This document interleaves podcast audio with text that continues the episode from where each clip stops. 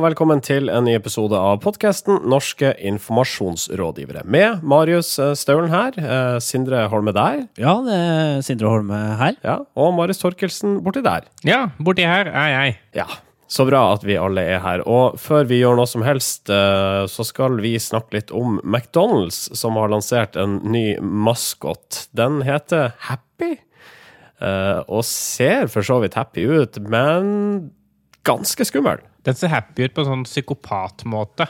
Uh, Ja. altså den, Hvis du skal er illustrere det med lyd.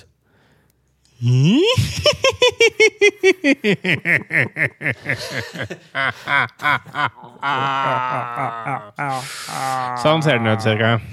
Ja. Det er egentlig en, en rød sånn Happy Meal-boks med et stort, tannbefengt glis midt på.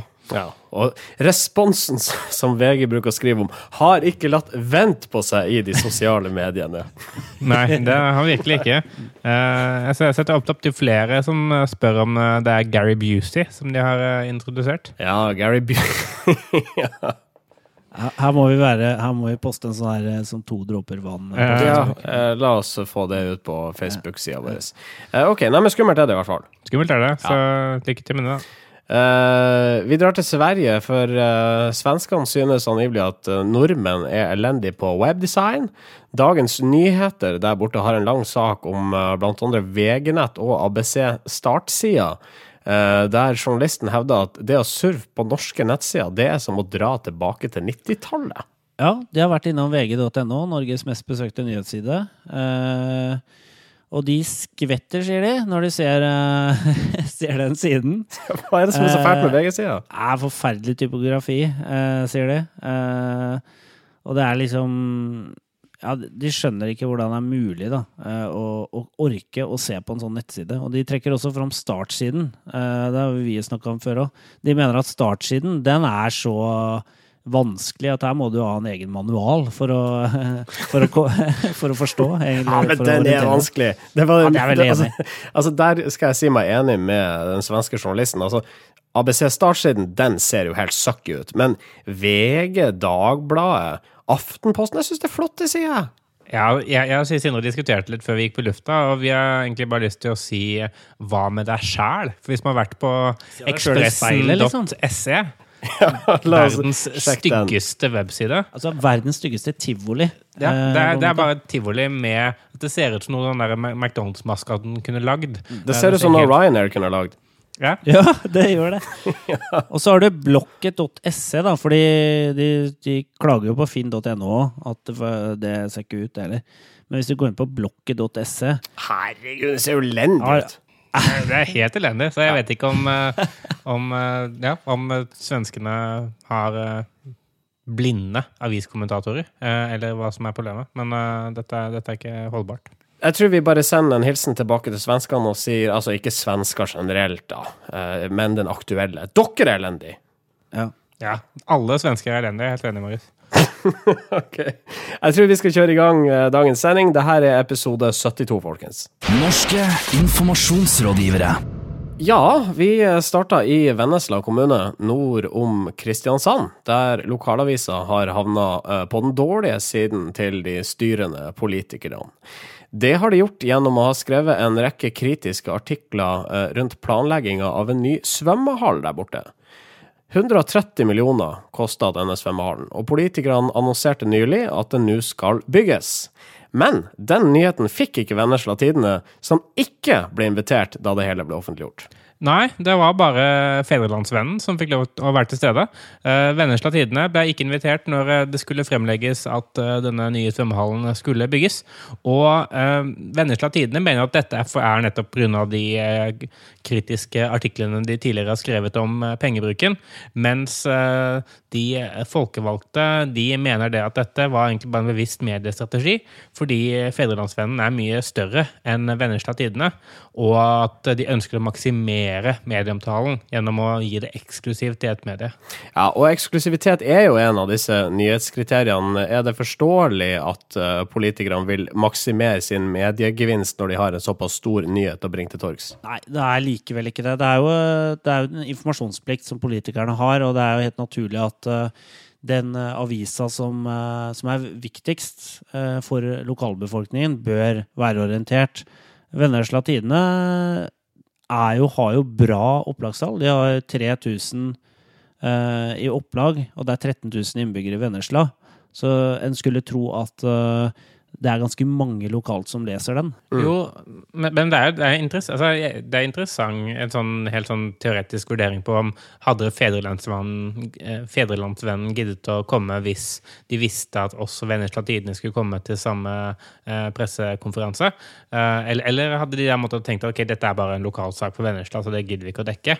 Eh, og det er jo vanskelig å si egentlig uten å eh, teste det. Men, men, hvis man gjør den vurderingen og tenker at uh, FVN har ikke noe mindre dekning i Vennesla enn Vennesla Tidende har, så er det jo likevel altså De har ikke en informasjonsplikt til avisene, de har en informasjonsplikt til innbyggerne. Og hvis den informasjonen fortsatt er lik, så er det jo kanskje en vurdering som i hvert fall ikke bryter noen lover, da. Uh, det er et eller annet interessant med måten KrF-ordfører Torhild Bransdal formulerer seg til eh, Venneslatidene. For det er altså Venneslatidene som skriver eh, saken om at de sjøl ble stengt ute. Eh, saksopplysning. Men eh, Bransdal sier altså til Venneslatidene Vi inviterte Feven til å skrive en sak for oss. Det må det være full frihet til. For oss der, altså. Vi kunne skrevet den selv, men vi valgte å la Fevennen skrive den. Vår eh, kommunikasjonsrådgiver er dessverre på ferie akkurat nå. Uh, og i, i, i mangel av noen andre skrivekyndige, så valgte vi å få, la, få Feven til å skrive saken for oss. ja. ja. Det er en veldig fin måte å se på PR eh, på. uh, litt sånn som Miljøpartiet De Grønne har holdt på, som vi har snakka om tidligere. Ja, ah, jeg har ikke tid til å skrive denne svømmehalssaken. Kan vi ikke bare gi den til Feven? de, de har minst like mange lesere som det vi har på våre egne sider. Vennesla.kommune.no. Slash nyheter. Men, men, det er jo altså, det, det, som er uh, interessant i dette, er nettopp som Sindre var inne på, at uh, de har, uh, at Vennesla Tidende har uttrykt seg negativt om pengebruken her før. og Det er jo ikke, det, det, er selvfølgelig disse lokalpolitikerne klar over. og Det er jo en, en vurdering som man gjør og tenker ok, de, hvis de kommer, så kommer vi til å få en negativ sak i Vennesla Tidende. Hvis Fevennen kommer, så kommer de sannsynligvis ikke til å være så negative. Og det er en positiv omtale vi ønsker. Eh, og det er jo egentlig helt fair hvis man tenker i alle, sånn, alle privateide virksomheter. Eh, mm. Det er jo sånn den vurderingen man gjør. Man vet jo hvilke journalister og medier som er positive og, og, og negative til bransjen din eller til virksomheten din. Eh, men det blir veldig mye mer problematisk når det er det offentlige. da. Hvis La oss måtte, flytte prinsippet opp på riksnivå. da, Hvis uh, regjeringen skal legge fram et uh, altså nytt forslag til statsbudsjettet, men de forteller som ingen uh, når det skjer, bortsett fra uh, VG, som de vet kommer til å dekke denne, dette statsbudsjettet positivt. Ja, eller FVN, da. For de dekker all, all spenning ja, alt, positivt. Så lenge de får eksklusivitet, så dekker de. Ja. og, og altså, hvis, man, hvis man følger prinsippet, så er det da problematisk fordi man velger nyhetskilder etter hva slags type omtale man får, og ikke hvilken informasjon bruk, eller befolkningen har rett på. Mm. Så det er et veldig interessant case, og er, jeg vet ikke hva som er rett her. Altså, sånn, jeg forstår den strategiske eller taktiske vurderingen, men, men jeg forstår også Vennesla Tidende som kanskje føler seg litt snytt. da. Mm. Uh, skal vi gi en tommel opp eller tommel ned? Altså, jeg skjønner at uh, Marius, at uh, du, du, sier du ikke vet per nå, men du tvinger deg til å ta et standpunkt. Tommel opp eller tommel ned for Vennesla kommunes håndtering av denne saken her? Nei, altså I og med at det ble et negativt oppslag av det, så vil jeg egentlig si tommel ned. Men for den vurderingen det har gjort, så tror jeg jeg forstår den vurderingen. da. Det ble tap uansett, da. Ja, det blir tap uansett. Vi får legge til da at um, gruppeleder for Vennesla Arbeiderparti, Berit uh, Kittelsen, eller Kittelsen, beklager da i etterkant at de ikke inviterte Vennesla Tidene til å være med på dette nyhetsslippet. I etterpåklokskapens lys ser jeg at dette var en dum avgjørelse, sier hun. Men eh, da har vi hatt den oppe til uh, rådsbehandling, og vi beveger oss videre, vi. Vi beveger oss videre. Norske informasjonsrådgivere. Uh, vi skal til New York, og nærmere bestemt inn i redaksjonen til New York Times. Eh, som eh, får en del skryt for å være temmelig fremoverlent i den digitale satsinga si. Eh, og det hender at norske redaksjoner drar over for å lære av de beste. Men en internrapport derfra er nå lekka til pressen, og denne viser at ikke alt er gull og grønne skoger i New York Times-redaksjon. Journalistene sliter med å interagere med sine lesere, de er ikke flinke til å dele stoffet sitt i sosiale medier f.eks., og lesertallene er kraftig dalende, fra 160 millioner i 2011 til 75 i 2013. Ja, det er riktig. Jeg var, jeg var på et eh, foredrag med Jill Abramson, som var eh, ansvarlig redaktør i New York Times eh, i fjor, på South by Southwest. Og da var hun trukket fram og skulle snakke fordi at New York Times har lykkes så veldig godt med sin digitale satsing. Og da var hun ganske sånn derre Ganske sånn blasert, da, i måten å snakke på. Sånn Well, you know uh, Det var, Hun begynte hver eneste setning sånn. Uh, you know, it's like uh, we're doing well, you know. And, Well, the thing is that the thing with the with the other thing in the digital and the Twitter, well, yes, is the future, future, The digital digital know. symbiosis. You know. Men well. denne, her, denne her internrapporten den viser altså at det- det står ikke så bra til. Nei, de, det står ikke så bra til. Uh, og, og det er mange forskjellige utfordringer eh, eh, som trekkes fram. F.eks. For forsiden til New York Times eh, blir lest i mye mindre grad nå enn tidligere.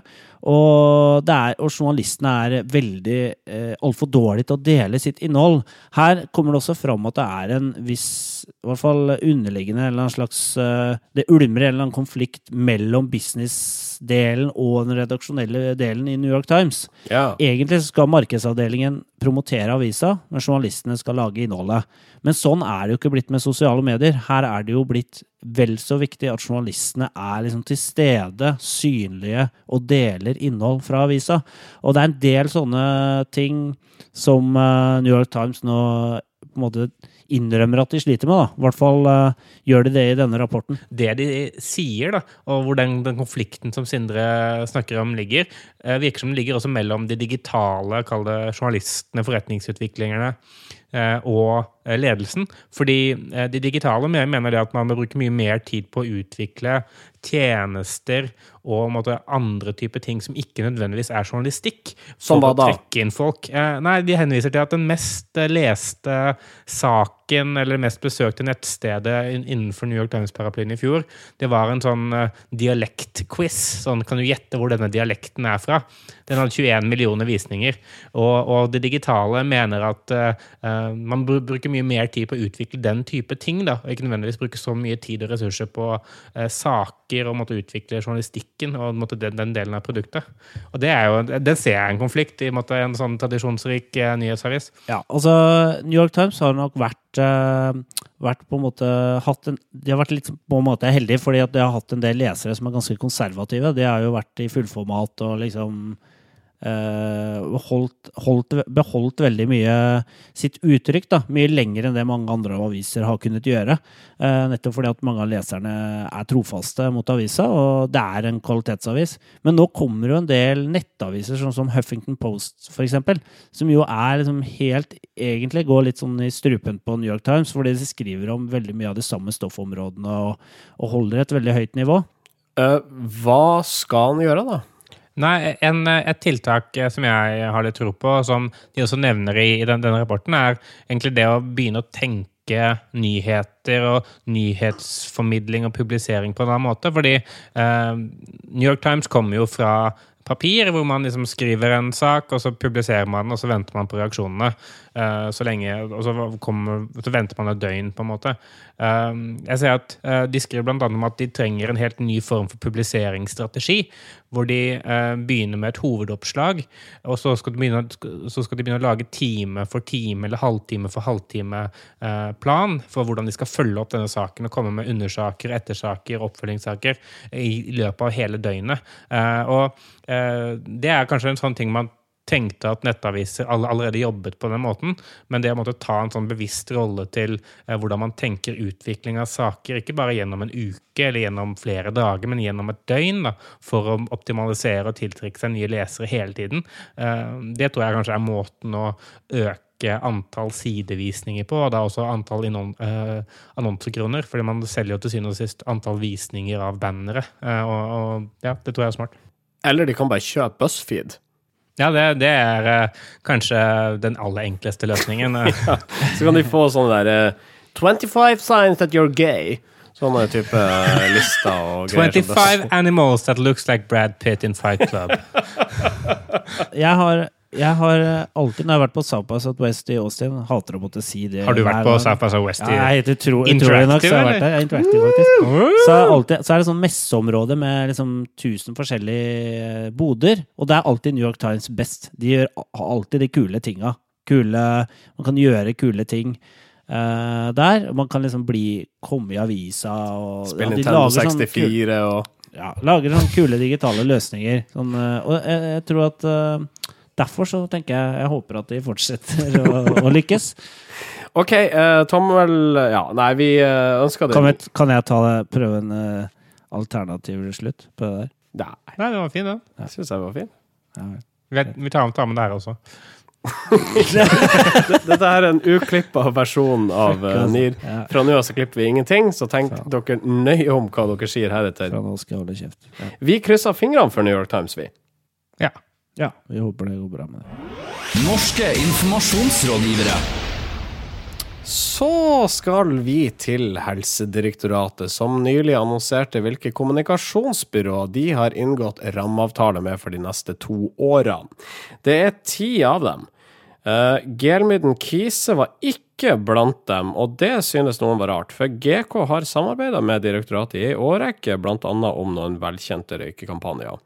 Men så var det da en clinch uh, tilbake i 2011, der uh, Gelmyden Kise gjorde arbeid for Helsedirektoratet samtidig som de gjorde en si, konkurrerende kampanje for Kiwi, og avtalen mellom de to partene ble sagt opp ett år før den egentlig utløp.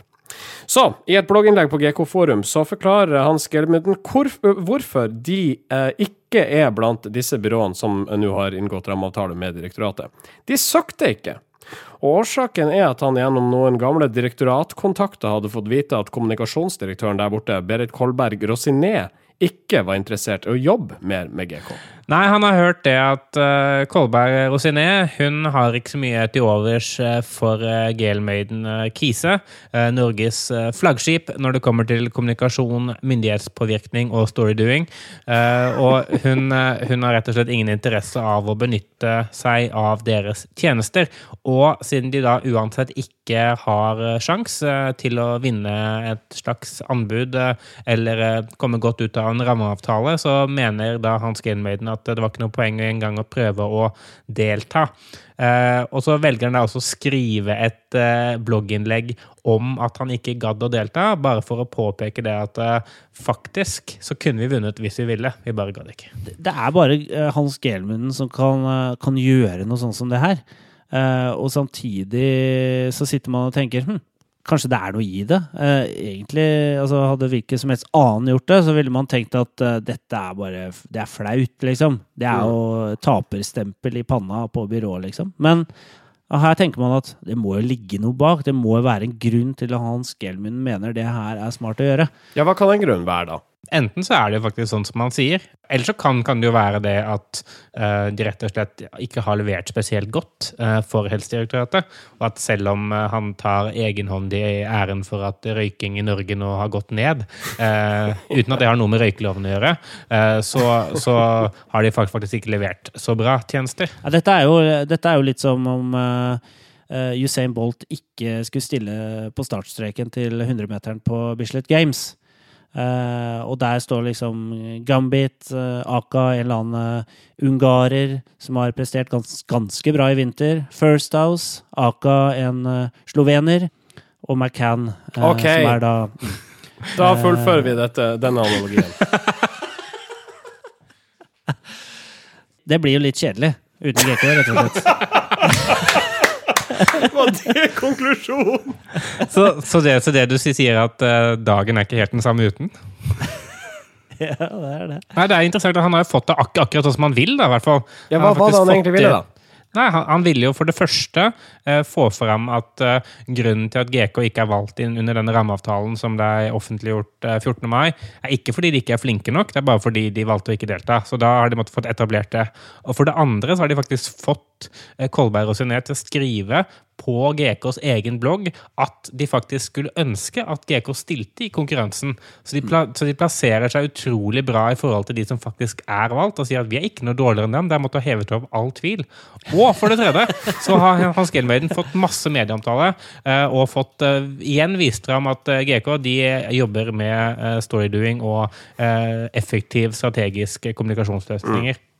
Så eh, vi sitter igjen, alle vi andre idioter, og bare er et eh, brikke i Hans Gelmøydens eh, sirkus. Ja.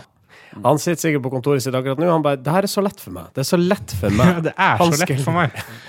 Så Jeg skulle drevet New York Times for dette. dette. Jeg skulle ha snudd den der eh, skuta med noe storydoing og noen lister.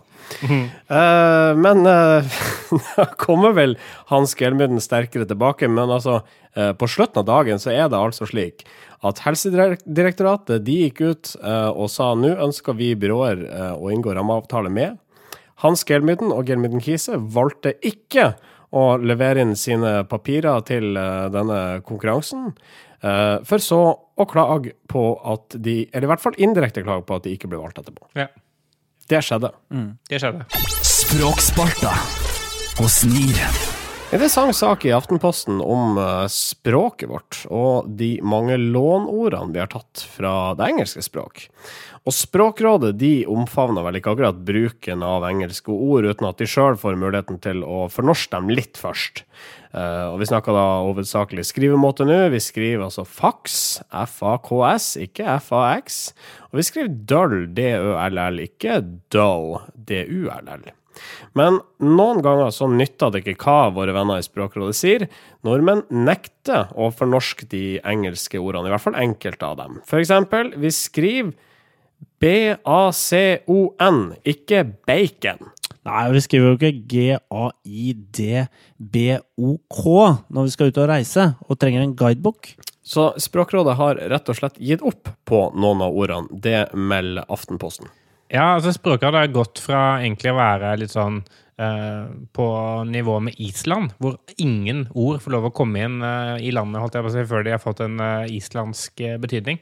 Eh, eller en islandsk måte å omtale det på. eh, til å egentlig bare akseptere at folk syns det er teit å si bacon og ikke bacon.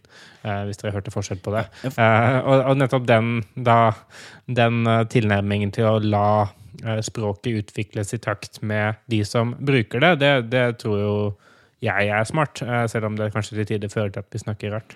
Eh, da er det bedre å bruke gode norske oversettelser, som eksempel memory stick, som oversettes som mange bruker i dag, minnepinne, da, eh, ordet for memory stick. Ja, for Altså, det er jo, det er det, jo men det er jo en norsk, god oversettelse. Ja, det er en god oversettelse, men jeg skjønner ikke hvorfor jeg skal eh, liksom eh, ha med meg en guidebok, når jeg kan ha med meg en guidebok.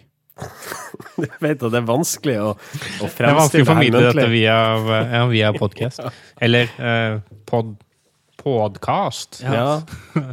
Snakke til opptak, som Språkrådet ville at det skulle hete. Eh, altså hvis, eh, hvis eh, Språkrådet hadde fått det som de ville For dette, er, dette regner jeg med at det ikke er noe Språkrådet ville. Dette er nok et stort tap, slag i facen for, for dem. Og jeg, jeg tror det at noen der oppe er relativt skuffa over denne utviklingen. Men hvis de hadde fått det som de hadde ville, så hadde det blitt helt forferdelig for alle oss andre. Så jeg tror det at det er uansett bra at dette her er noe de faktisk går tilbake på.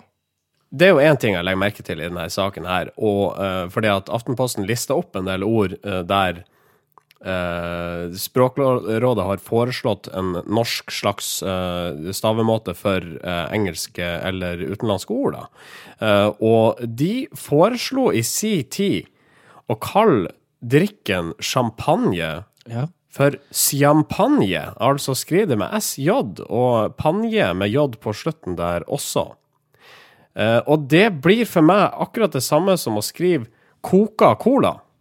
der du erstatter C-ene med K-er. For dette her, altså nå snakker vi egennavn. Ja. Ja, Det jeg gjør det. Og så man tar bort den historiske referansen da, eh, i ordet. Altså, ordet har jo ikke noe Ordet champagne med SJ har ingen mening. Eh, det har ingen historisk eh, begrunnelse. Champagne er jo et sted i Frankrike. Altså, man kan ikke oversette det til norsk eh, eh, og liksom eh, på en måte kutte alle bå... Altså, det er helt meningsløst. Det er rett og slett Jeg syns det er dårlig språkpolitikk, da, rett og slett, å, å vedta sånne eh, ting som det her. Men jeg tror, jeg tror det er et eller annet med Språkrådet har liksom De har slitt med å, å liksom fange tidsånden, da. De har prøvd å på en måte prege tidsånden, og det, det klarer man ikke som et språkråd. Man må nok eh, finne seg i å, å henge seg på, på en måte. Jeg, jeg, jeg tror de må utplassere sånne agenter i, en måte, eh, i ung, ungdomskulturer som er sånn Kom igjen, da, folkens! Skal vi ikke si pub med ø og to b-er? Det er ganske spa! og så blir folk sånn ja, sweet! Nei, du mener vel søt, gjør du ikke det? Ja, søtt! Ja, Det er tror de Du- Du mener vel spa, ikke spa? Ja, det er det jeg mener. Du står står på rullebrett. Du er ganske spa. Ja, vi bare drar på Snøfjøl senere, hvis det bare snør litt. Eh, Språkrådet de uh, bommer av og til, eh, de treffer av og til. Det er eh, vel det vi kan konstatere ut av eh, dette her. Eh, og avslutningsvis, la meg spørre dere gutter, sier dere strømming, eller sier dere streaming? Å, jeg sier streaming. Jeg sier også streaming. Tre av tre på streaming der, altså. Språkrådet, dere tapte igjen. Suck it. Norske informasjonsrådgivere. Ikke gjør dette. Eh, og vi skal til uh, reklamebyrået Sirkus i denne spalta. For de er nå interessert i å skaffe seg en ny eh, medarbeider. For designer Asle han skal reise jorda rundt i et år nå, så de trenger rett og slett en vikar. Og da, i overskrifta på stillingsutlysninga på deres egne nettsider, så søkte de etter en ateist fra Oslo. Og dette reagerer du på ikke bare med sjokk, men også en ikke ubetydelig mengde vantro, Marius Torkelsen. Ja, eh, det er lenge siden jeg har følt så mye vantro uh, på en gang. Hvor mye? Uh, nei, det er, altså, hvis dere tenker dere et basseng, da. Et, uh, altså, ba bassenget i Vennesla fylt opp av vantro. Så dobler dere det. Da er vi omtrent der. Eh, uansett, da, så, så tenker jeg at Jeg skjønner en måte, hvorfor de gjør som de gjør. For det er en sånn uh, Asle, eh, kreativ designer, et eller annet, han skal ut på jordomseiling. Og derfor søker de en person som er den nøyaktige kopien av han. da. Uh, så de skriver annet at han skal være mann, han skal være ateist, han skal ligne litt på Edward Norton, han skal drikke store mengder med Earl Grey-te. Og han skal spille i et uh, band som er semikjent i eh, Nederland. Eh, for det er visst ting som han Asle gjør. da. Og eh, den måten å spørre etter en medarbeider på viser jo at man eh, er eh, ja, litt kreativ og lekne. For det er ikke en kjedelig, vanlig tekst. Samtidig som man eh, også viser frem at man har flinke folk. Grunnen til at jeg tror at dette kanskje ikke er så lurt, er fordi man eh, spesifiserer både hvilken religion personen man skal ansette skal ha, og kjønnet eh, personen skal ha. Eh, og det er mer enn nok til å havne på bordet til likestillingsombudet. Og det mistenker jeg litt at de fort kan gjøre, selv om dette er lekent og artig. Det som er litt sånn dumt, litt sånn dumt tenkt da, av sirkus, det er at de trekker fram ateist. Det hadde kanskje vært morsommere at vi søker etter eh, Edward Norton fra Oslo. Altså, hvem er det? Hvordan skal de få til det? Altså, det, det kunne pirra litt nysgjerrighet. Ateist er jo egentlig litt ekskluderende. Altså, det er litt sånn Å spille på religion er sjelden noe sånn uh, veldig bra Veldig smart, da. Nei, og, så er det jo det med altså Det er sånn vanskelig for oss å sette oss inn i, i og med at ingen av oss er verken spesielt religiøse eller kvinne. Men la oss si at man er en, en muslimsk eh, kvinne eller en kristen eh, kvinne. Eh, man ville jo, jeg ville jo tenkt at jeg hadde hatt eh, mindre sjanser på å få den jobben. altså sånn, Selv om det er sagt med humor og tull, så, så ville man jo likevel eh, tenke at eh, det er kanskje vanskeligere å få jobb her hvis man er eh, dypt personlig religiøs. Da. Eh, og det er nok kanskje sant også, at det er ikke et sånt type type miljø de ønsker, men det har man, har man ikke lov til å si, da. For å sånn, eh, for å fortsette å snakke liksom i religiøse termer, da, så syns jeg det er bra at sirkus eh, kommer litt annerledes annonse. For eh, andre så stillingsannonser flest er litt sånn gladkristne. Det er litt sånn derre Ja, nå, nå ønsker vi en på laget som kan være med å løfte oss videre, oppover, til nye høyder.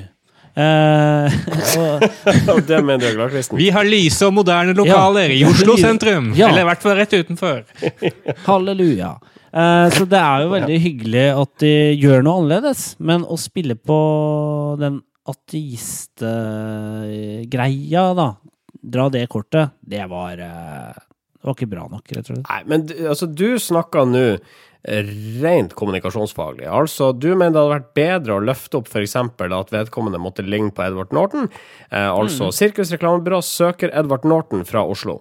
Eh, Ja, ville vært ville bedre rent markedsføringsteknisk. Du, Ja. Marius, du mener at uh, uh, her kan de få eh, likestillingsombudet på nakken. Så jeg, jeg tror ikke at det kommer til å skje, men jeg, jeg, men jeg mener jo egentlig at, eh, at det burde skjedd. For jeg syns ikke det er uh, innafor. Ok. Er det lov av meg å si at jeg syns det er innafor? Det er helt greit. ja. Du har tatt feil før, du. Det er, det er altså slik at vi er en hellig treenhet i denne spalten her, så eh, for, eh, for eh, å konkludere, ikke gjør dette. Ikke gjør dette. Ikke gjør det. Ukas kudos. Ukas kudos, vi er vel ikke helt sikre på hvem det er som egentlig står bak det vi gir kudos for, men vi snakka en geriljakampanje mot partiet Sverigedemokraterna på T-banen i Stockholm. Sverigedemokraterna har en kampanje gående nå. Eh, Hvor, de, eh, hvor budskapet er at de ønsker å stoppe det organiserte tiggeriet på våre gater. Altså De mener at tigging er organisert eh, hva skal jeg si, kriminalitet, i hvert fall i deres øyne. At det i hvert fall er eh, organisert. Og det er jo et bestritt eh, en bestridt påstand, for det er, mange mener at det er jo ikke organisert i det hele tatt. Det er fattige folk som kommer eh, hit til Norden og tigger. Og eh, det har fått en eh, kraftig motreaksjon på egentlig på Ikke på reklameflater, eh, men på andre flater på T-banen. For her er det folk som har satt opp hva skal jeg si, budskap på gulvet, der som det pleier å stå Mind the gap, da, i hvert fall hvis man tar T-banen i London, står det det? Internasjonale Holme. Ja, ja, jeg er så internasjonal. Eh, så I Stockholm så står det ikke 'mind the gap', men der står det 'tenk på avstanden mellom fakta og fordom'. Se opp for rasismen. Dørene, dø, dørene steng, stenges. Vi syns det var litt uh, gøy, fordi um, for det første så er det uh, egentlig bare et tilsvar på en pågående kampanje fra Sverigedemokraterna som gjør at det er en sånn form for interaktivitet og en sånn spenning i det. Og for det andre så er det en, en kul ting å gjøre hvis, man, hvis det forblir sånn som det er nå, at det er helt ukjent avsender. At noen faktisk bare har betalt for denne plassen for å ta en samfunnsrolle og for å minne folk på noe som er ganske viktig, uten å skulle ta kred for det senere. Um, hvis det måtte vise seg at dette er som Svenska Spel eller noe som står bak, så er det sånn Det er det Betson som står bak. Ja, det er Betson som står bak. Paddy Power Ja, som står bak. Paddy Power, ja. Eh, så, så faller det litt eh, for, eh, på stengrunn. Men la oss bare krysse fingrene for at det ikke gjør det, og da er det jo bare en bra ting å gjøre. jeg. Jeg kjenner jeg krysser er- fingrene litt for at det skjer, at at det faktisk er tilfellet. Rett og slett fordi det vil være ganske morsomt. Eller, eller at det kan være John Arne Riise eh, som gjør det. På vegne av Betson. Jeg, jeg, jeg vil på vegne av rådet ta selvkritikk for at vi gir Altså, vi, vi serverer en del referanser til tidligere podcaster. Altså, altså vi forutsetter at du eh, som lytter har hørt på oss før. Så hvis dette her er din første podkast med oss, så beklager vi. Eh, samtidig som vi selvfølgelig vil anbefale å gå litt bak i arkivene og sjekke ut. Ja, men det, jeg håper at den kampanjen her ikke har noen avsender, da, for jeg vil ikke at det skal være en sånn partipolitisk greie. At det skal være liksom ytre venstre som, eh, som mener et eller annet eh, Som liksom skal krangle med Sverigedemokraterna nå igjen, liksom. Eh, Så det beste er egentlig om det her får stå, for da blir det litt sånn Det er folk, det er vanlige folk som har egentlig blitt provosert og mener at uh, her må vi ta til motmæle. Mm. Og det er jo det fineste som fins. Det kan, kan, jo, kan jo også være JCTK eller hvem det er nå som håndterer T-banen i, i Sverige og selger reklameplassen der. Altså, I i, i og med at det kom på så kjapt. Eh, det er det jeg stusser litt over. For det ofte så tar måte, utendørsreklame veldig lang tid å booke. Så det virker nesten som om, om enten om det er planlagt, eller om det bare er noen som har uh, fått en mulighet der. Da. Dette er en innsidejobb. Mm, det tror jeg. Men kudos, da. Men kudos allikevel. Kudos. Ja. Norske informasjonsrådgivere. Vi nærmer oss slutten. Vi fikk ikke prate om, uh, dessverre for meg, at eh, Glimt slo Start hjemme 2-1 på Aspmyra. Tredje seier på rad. Vi fikk heller ikke snakket om, dessverre, at eh, Fredrikstad spilte uavgjort eh, 0-0 borte mot eh, Mjøndalen i første divisjon. Og vi fikk prata om at eh, Sandefjord Fotball leder førstedivisjonen etter 4-0 over Nest Sotra borte. Det er altså Nest Sotra fra Bergen, dere. Ja. For de som eh, Så på Nestun Sotra eh, står det for. Ja. Sandefjord er jo en tradisjonsrik klubb. Jeg husker jo i 1960, da de var i cupfinalen mot Frigg. ja, Ja, det, du, du tenker på Sandefjord Ballklubb. Sandefjord Fotball ble jo stifta i 1998. ja. For de drev med andre typer baller på den tida. Ja, Da var det bare ballklubb, så de stilte med liksom forskjellig ball til hver eneste kamp. Ja. Plutselig kom de med sånn, med sånn eh, Bowlingball. Ja, en sånn innebandyball som er sånn hull i. Det er helt umulig å spille med. Veldig veldig kul klubb. De bare Nei, vi tar en ball. Hva, hva, hva, hvilken ball har du i dag? Nei, tennisball. Ja ja, fuck it, vi spiller. Fuck it, vi Ball er ball. Ja. Ballklubb. Vi skal ikke diskriminere på ball. Nei. Vi forstår det ikke fra Nordland heller, så det er rart at vi snakker sånn her. Men Veldig, veldig raus eh, klubb. er veldig raus. Ja, de er rause på alle mulige måter. Eh, vi er av og til litt rause på våre eh, Facebook-sider. Vi deler nå litt av eh, det vi går og tenker på i hverdagen, pluss noen av sakene vi adresserer i podkasten vår. Facebook.com slash Nearcast. Gå gjerne inn der og lik uh, sida vår. Vi har et kjempeproblem med reachen akkurat nå. Facebook har strappa oss inn. Vi får, altså, vi får nesten ingen visninger. Det er helt forferdelig. Vi jobber med å løse situasjonen. Men du, apropos raushet. eh, Vi glemte å takke Daniel Milford Flathagen for denne eh, rasismesak-ingeniøroppgaven eh, i forrige, forrige NIR. Ja, jeg la merke til det i etterkant. Det var bra vi Jeg tenkte også på det. Altså, og jeg, jeg foreslår ikke, ikke at vi skal gjøre det nå, jeg bare sier at vi glemte det. Altså, Gi en takk, da. Gi en takk. Ærlig talt. Altså, jeg kan si takk. ja, takk, da. Ok. Vi eh, blir bedre hvis eh, du der ute engasjerer deg og tipser oss om ting du observerer på din veg, eh, og deler, med det, eh, deler det med oss eh, på Facebook. Eller du kan snakke til oss på Twitter. Vi er jo der også, eh, under litt forskjellige pseudonymer. Apropos Twitter, Ja. eh, så, så fikk vi faktisk også et tips eh, der eh, denne uken. Oh, ja. og det var jo om denne Gelmaiden Kise-saken, hvor Thomas Lien, som for øvrig jobber i Helsedirektoratet som digital rådgiver, tipsa meg om dette innlegget før det egentlig ble all allment kjent. Okay. Så igjen, Twitter funker det. Ja, takk til Thomas Lien òg, da. Mm. Um, Nearcast er hashtaggen du bruker der. Og ellers så vet du jo selvfølgelig hvor du får tak i podkasten all den tid du sitter og hører på den. Men abonner gjerne på oss gjennom iTunes i din foretrukne podkast-player. Hvis du vil ha den i stereo, så er det soundcloud.com slash nearcast som gjelder. Og jeg tror vi fortsatt har en e-postadresse som er nearcast.yahoo.com, selv om jeg fikk en advarsel her om dagen om at uh, mailboksen snart var full. Click here to resolve. Jeg vil også legge til at, uh, at folk bør også gå inn på Kreativt forum på fredager, for da skriver Kreativt forum om øh, NIR. Ja, men gå nå inn litt oftere òg, da. Ikke bare når de skriver med oss. Ja, den sa, Nei, altså- Saken ligger ute hele uka, så Ja, er du kan lese om den hver dag. Ok. Uh, takk for at dere lytta, folkens. Takk for at du lytta, folk. Uh, vi snakkes igjen om ei uke. Sirkus til uh, samme tid. Marius Staulen, Sindre Holme og eh, Marius 2 er deres ydmyke tjenere i eh, kommunikasjonshverdagen. Eh, ha det godt, da. Ha det godt. Norske informasjonsrådgivere.